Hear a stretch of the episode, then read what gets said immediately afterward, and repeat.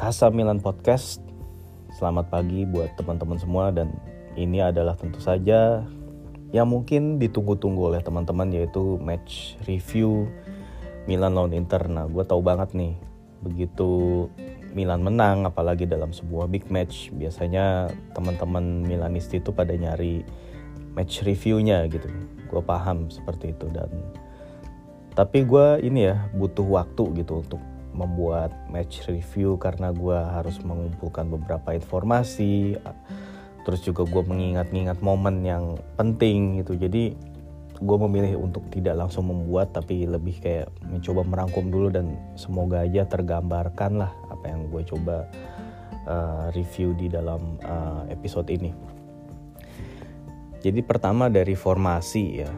Pioli nurunin best playernya termasuk Deket Lare ya terus Junior Mesias Leao di belakang Giroud sisanya sama as you know ya.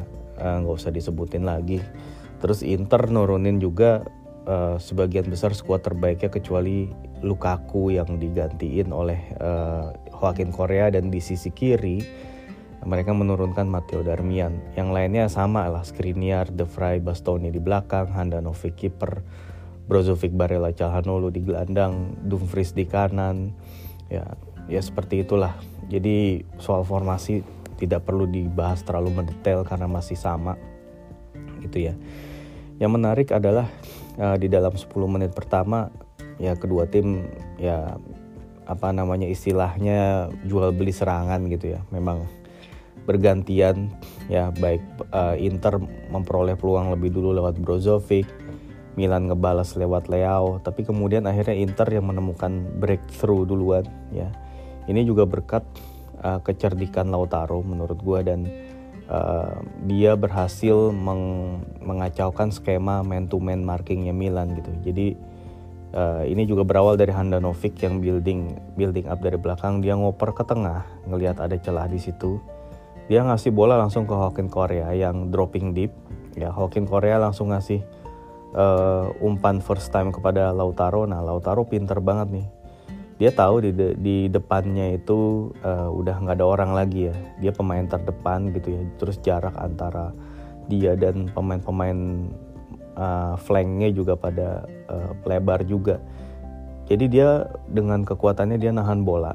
Ya ini membuat Tomori itu mengikuti dia dan juga eh sorry Tomori atau Kalulu lah mengikuti dia Nah Tomori ini kemudian out of possession nih.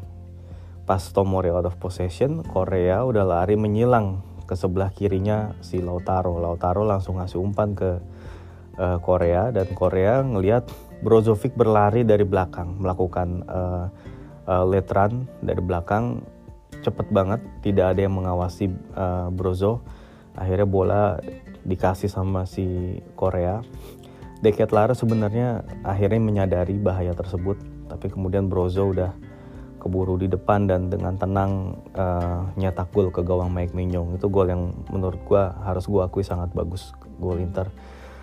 Nah, tapi bagusnya lagi Milan itu tidak panik, tidak ngedown gitu ya. Mentalnya udah bener-bener teruji setelah kebobolan tersebut. Milan makin meningkatkan intensitas pressing, dan akhirnya satu kesalahan dilakukan oleh Calhanoglu dan De Vrij.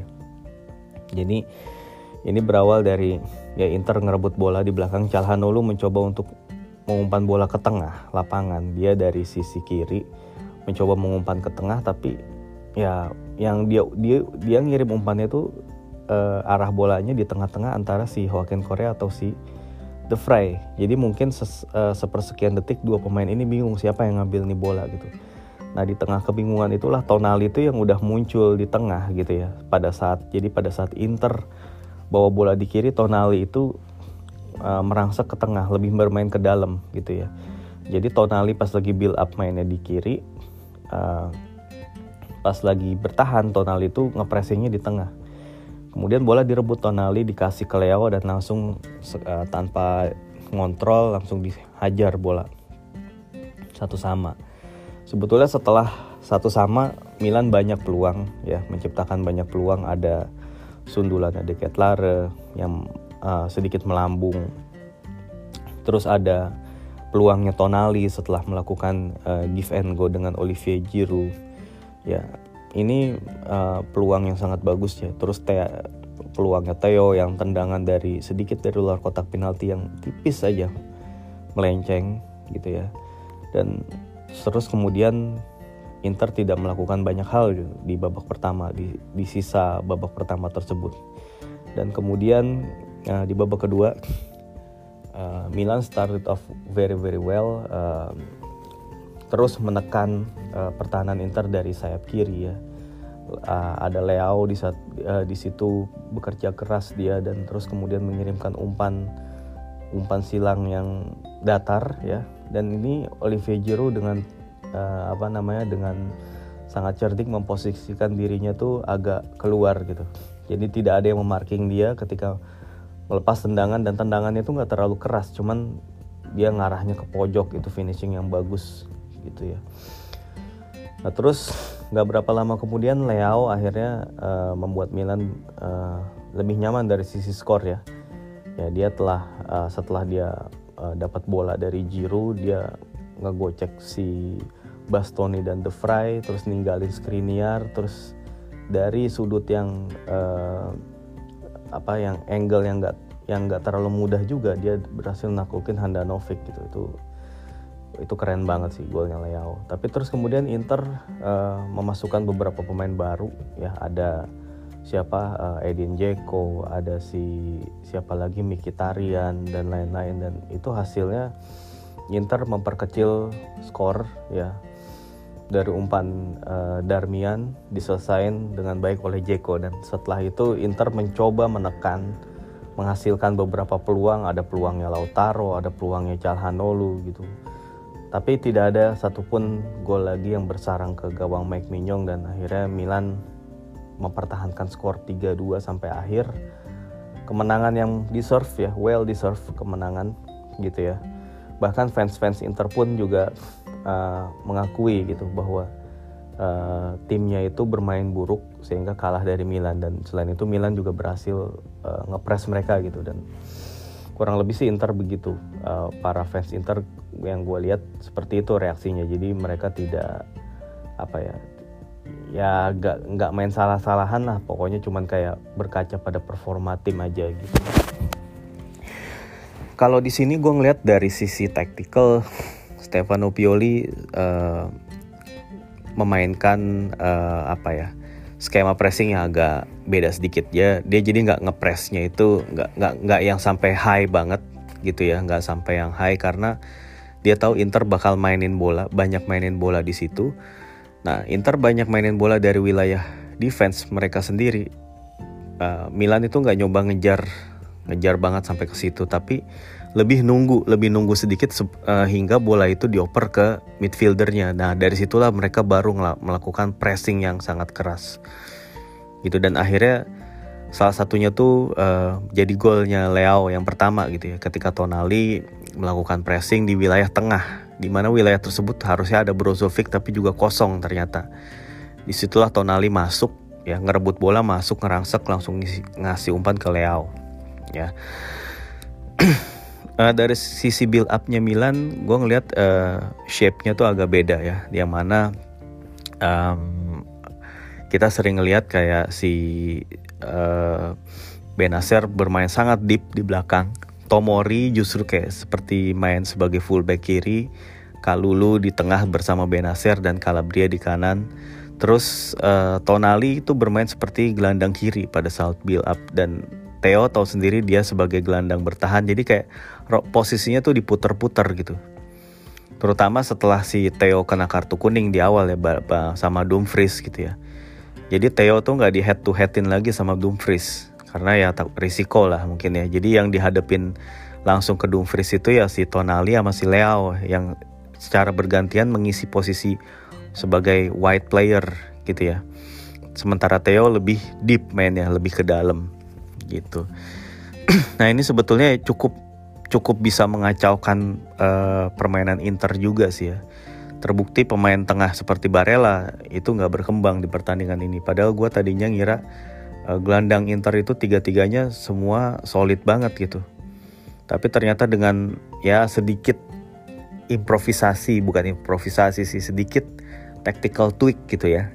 ya yang dilakukan oleh Pioli uh, dengan memutar-mutar uh, posisi gitu ya dari uh, tim ini gitu ya terus melakukan terobosan ke dalam ya. Ketika lagi ngebawa bola uh, pemain kayak Leo ini yang sebelumnya ya biasanya tuh nggak nggak efektif ya pas di pertandingan lawan Sassuolo gitu ya. Nggak efektif mainnya ini efektif banget dia uh, lebih banyak melakukan umpan daripada melepas tendangan. Yang mana ini adalah hal yang bagus dalam pertandingan derby itu benar-benar harus seperti ini gitu mainnya.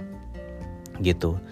Ya, terus kemudian di babak kedua ya Milan cukup sering mainin bola-bola direct gitu ya, baik dari Mike Maignan atau dari center back yang ngirim langsung umpan dan di situ Giroud diharapin menang duel gitu ya. Dan membebaskan Leo dan itulah yang terjadi um, apa namanya di gol gol kedua pun uh, Milan lebih banyak mengkonsentrasikan permainan di sayap kiri dan akhirnya mengirimkan umpan ke Giroud. Di sini gue ngasih catatan pada saat gol yang dicetak oleh Giroud. Uh, Bastoni melakukan kesalahan ya. Bastoni back Inter melakukan kesalahan. Dia tidak memarking Giroud.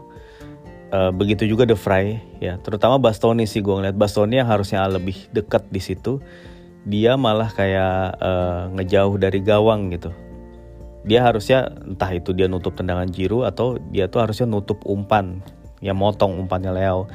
Karena Giroud itu begitu tahu The Fry dan Bastoni itu ada di mulut gawang dia agak sedikit mundurin posisinya gitu yang mana ini efektif dan untuk gol ketiga ya yang dicetak oleh Leao itu ini Bastoni kembali menurut gue sih uh, tidak pada level yang seharusnya lu lu lihat kalau lihat tayangan ulang begitu Leao dapat bola terus Leao tuh sedikit melakukan gerak tipu gue cek gitu ke arah Bastoni dan Skriniar Abis itu Bastoni balik badannya dia jalan kaki. Dia nggak berusaha ngejar gitu, nggak berusaha ngejar Leao. Udah di udah digocek, abis itu balik badan jalan kaki. Ini gue nggak ngerti ya apakah ini masalah di attitude mental atau emang Bastoninya lagi kurang bugar aja gitu dipaksain main. Jadinya kayak gini. Gitu loh menurut gue. Nah terus um, ya gue juga melihat atau membaca uh, preskonnya Simone Inzaghi ya. Dia bilang kita nggak bisa kalau lawan Milan uh, main bagus 30 menit terus kemudian menghilang ya, menghilang 30 menit lagi eh main bagus 10 menit uh, menghilang 30 menit dan kemudian selanjutnya baru kembali lagi gitu di 30 menit terakhir atau 20 menit terakhir. Dia mengakui bahwa setelah terjadinya gol pertama yang dicetak Brozovic Inter tuh mainnya beda gitu. Mereka tidak bermain smart lagi ya uh, mereka tuh kayak yang nggak punya purpose gitu dalam uh, bermain gitu ya. Tidak tahu ya clueless juga gitu clueless dan purposeless gitu ya.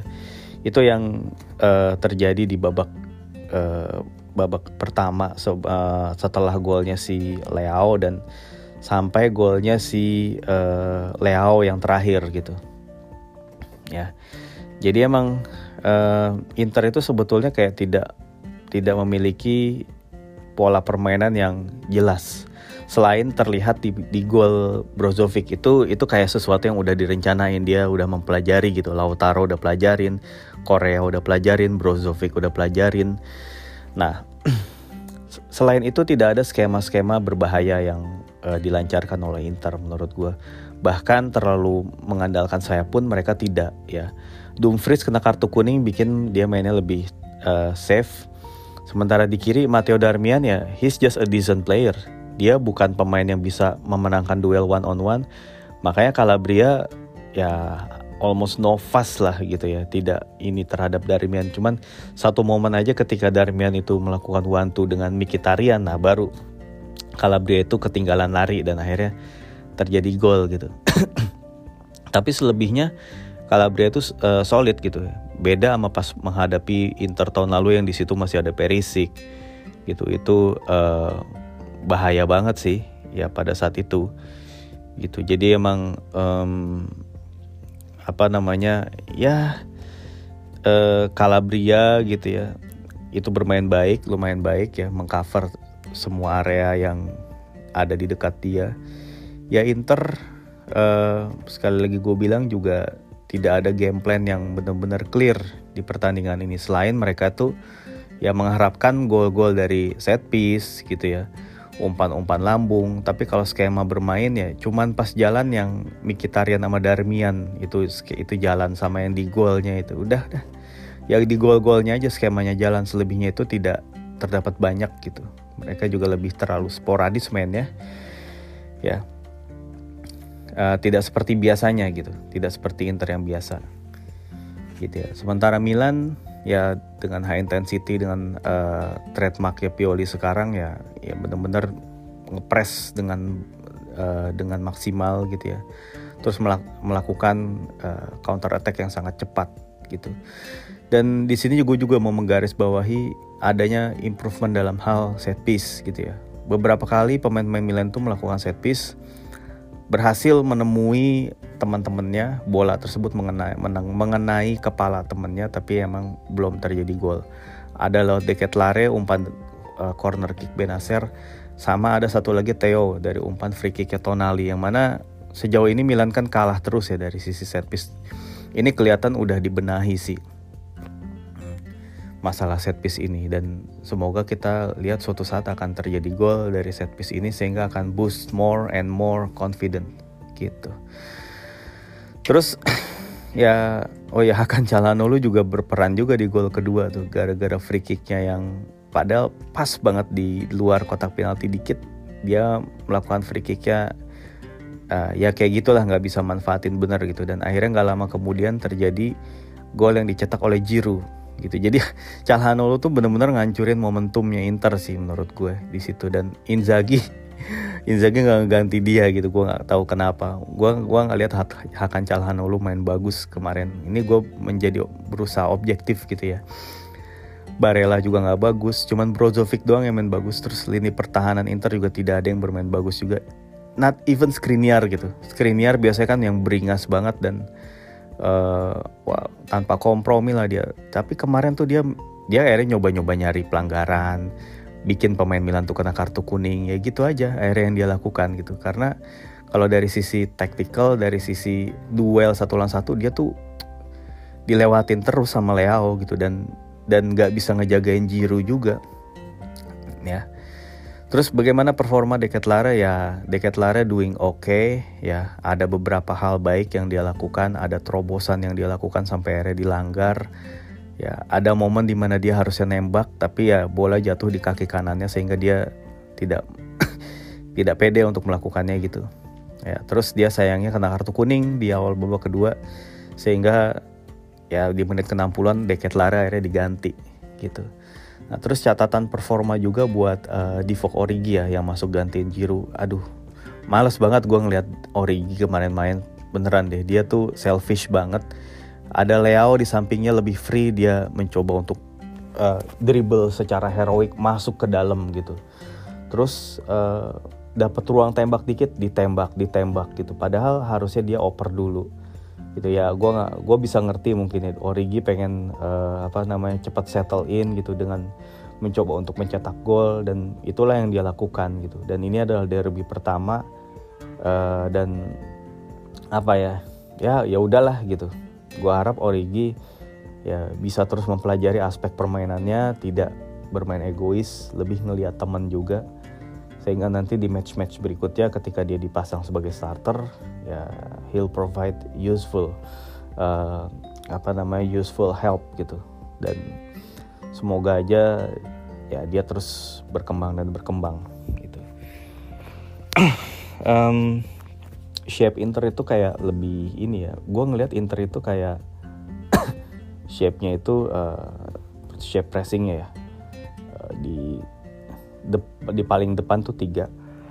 Biasanya tiga dia nomor tiga pemainnya nah terus di posisi gelandang itu ada dua atau tiga orang juga. Ya. Uh, dan kemudian back sayapnya terutama Dumfries lebih banyak ngebantu pertahanan gitu ya. Kalau Darmian justru lebih sering naik daripada Dum, daripada Dumfries terutama di babak kedua gitu. Ya kalau Milan ya seperti yang tadi gue bilang mereka mid block nggak high block ya mainnya mid block cuman dengan cepat mereka ketika uh, dapat bola wah banyak sekali pemain yang langsung masuk ke ke wilayah lawan gitu. Sehingga mereka menang jumlah. Gitu itu yang dilakukan Tonali uh, di gol pertama juga. Itu Milan penyerang-penyerang Milan tuh menang jumlah gitu. Ya kadang-kadang ya tactical tweak yang seperti ini apalagi di pertandingan derby ini adalah sesuatu yang hebat sih menurut gue bravo Stefano Pioli ini taktik lu bekerja banget uh, untuk pertandingan ini. Bagus lah semoga disiap uh, diteruskan dan nanti uh, di week uh, week apa midweek midweek ini Milan akan main di Champions akan berhadapan dengan uh, Red Bull Salzburg. Ya don't miss it lah. Semoga spirit kemenangan derby ini terus terbawa hingga ke uh, ke tiga bulan ke depan setidaknya. Gitu ya lawan tim-tim gede menang lagi menang lagi. Gue bisa yakin Milan akan mempertahankan Scudetto nanti. Tapi tergantung lihat posisi tim pada saat uh, Januari dan nanti bulan Maret. Gitu. Ya udah um, gue rasa itu aja dulu. Sorry ya kalau misalnya kurang lengkap dan segala macam gue cuman tadi ngelihat di understat sempat baca statistik um, expected goals Milan itu lebih rendah daripada Inter. Expected goals Milan itu cuman 1, sekian Inter 2, sekian. Tapi Milan dari expected goal 1, sekian nyetak 3 gol Inter nyetak 2 gol. Ya mungkin kalau fans Inter banyak yang mengambing hitamkan performanya Handanovic tapi menurut gue uh, Handanovic nothing really really wrong menurut gue dari Handanovic. Gue nggak tahu kenapa uh, sebagian fans Inter kayak nge uh, put the blame on uh, on him gitu. Padahal ya gol pertama ya itu emang tendangan Leao keras dia udah berusaha nepis juga tapi emang gagal. Uh, kedua ya bisa aja dia pandangannya agak terhalang oleh Bastoni dan De Vrij di situ dan tendangannya Olivier Giroud juga ngarah ke pojok bawah itu susah diantisipasi. Dan kemudian gol ketiga ya itu yang dilakukan Handanovic benar dengan dia mencoba uh, maju ya maju ninggalin sarang ketika si Leo udah ngelewatin si De Vrij dan Bastoni. Terus Leo mulai ngebelokin bol ngebelokin badan ya. Handanovic itu mencoba untuk menutup ruang tembak tapi Leo ya lebih cepat dan lebih akurat kemarin ngelepas bola ke tiang jauh gitu.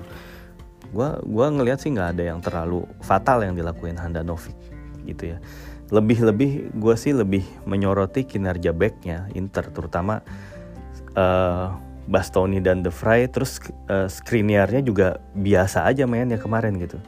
Skriniar uh, the best dibandingin uh, dua temannya tadi tapi ya level permainan Skriniar kemarin itu pun juga sangat biasa gitu loh. Sangat biasa banget menurut gue ya jadi ya gimana ya? Ya emang uh, ya ini ya tugasnya Inzaghi lah sebagai pelatihnya untuk uh, membenahi Inter ini karena gue juga ngelihat uh, kemarin kan sempat space ya. Inter akan menghadapi jadwal berat setelah ini. Apakah mereka bisa recover gitu? I don't know gitu ya. Gue rasa sih sempet bisa gue sempet ngerasa Inter bisa-bisa aja kok gitu ya.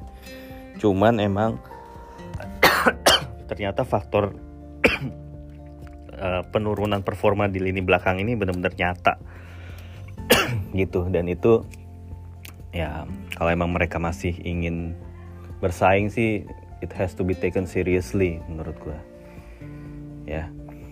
Ya gue rasa itu aja sih yang mau gue sampein ya. Dan buat Milan sendiri keep up the good work ya. Ada sedikit masalah di defense terutama pas kecolongan di gol pertama gol pertamanya Inter. Ya itu menurut gue uh, itu harus dibenahi ya ya Deket Lara ya ketika ada satu orang regista ataupun defensive midfielder lawan yang melakukan late run dia harus ngikutin gitu. Dia harus ngikutin terus. Nah dia kemarin kecolongan tuh sama pergerakan tanpa bolanya Brozovic. Ya gitu aja sih menurut gue ya tapi ini masih early stage dan buat Deket Lara juga uh, masih long journey banget gitu ya. Masih di awal-awal banget jadi ya ya no need to worry yang jelas Milan udah uh, good start di lima pertandingan awal tiga menang dua seri ya saat ini masih di bawah Napoli. Napoli kemarin menang lawan Lazio uh, di Olimpico. Mereka di atas sekarang unggul selisih gol. Nanti tinggal nunggu hasil pertandingan Roma dan Atalanta ya. Apa Roma ya? Kalau gua nggak salah tuh Roma tuh masih 4 match ya. Dia masih akan tanding nanti lawan Udinese kalau gua nggak salah. Kalau Roma menang ya Roma akan ke Capolista lagi. Ya begitu juga Atalanta kayaknya sih Atalanta. Ya apa Atalanta udah tanding kemarin ya gue juga agak lupa apa belum. Ya pokoknya tapi yang jelas Milan dalam posisi yang baik. Juve juga kemarin uh, imbang lawan Fiorentina. Um, yang mana ya Juve drop point, ya Inter drop point. Uh, cuma Napoli aja yang nggak drop point gitu. Jadi Napoli sih emang selalu startnya bagus sih mereka. Dari musim lalu juga begitu. Ya kita lihat aja. Ini musim yang akan sangat berbeda ada Piala Dunia. Nggak menutup kemungkinan uh, Milan juga akan kepleset gitu seperti pas laga-laga lawan Sassuolo tapi di sini gue menghitung um, ini kan udah mainin 5 match ya. Dan Milan itu udah dua kali imbang gitu ya. Ada dua kali drop point. Kan total seluruh poin yang tersedia ya dari 38 match itu kan 38 kali 3 eh iya 38 kali 3 ya. Itu 114 ya 38 kali 3 uh, eh, berapa sih? 114 bener dari 114 Milan udah drop 4 poin. Ya pas seri lawan Sassuolo sama Atalanta. Jadi um, udah drop 4 poin. Uh, poin maksimal Milan 110 sekarang which is ya tidak sepertinya tidak mungkin.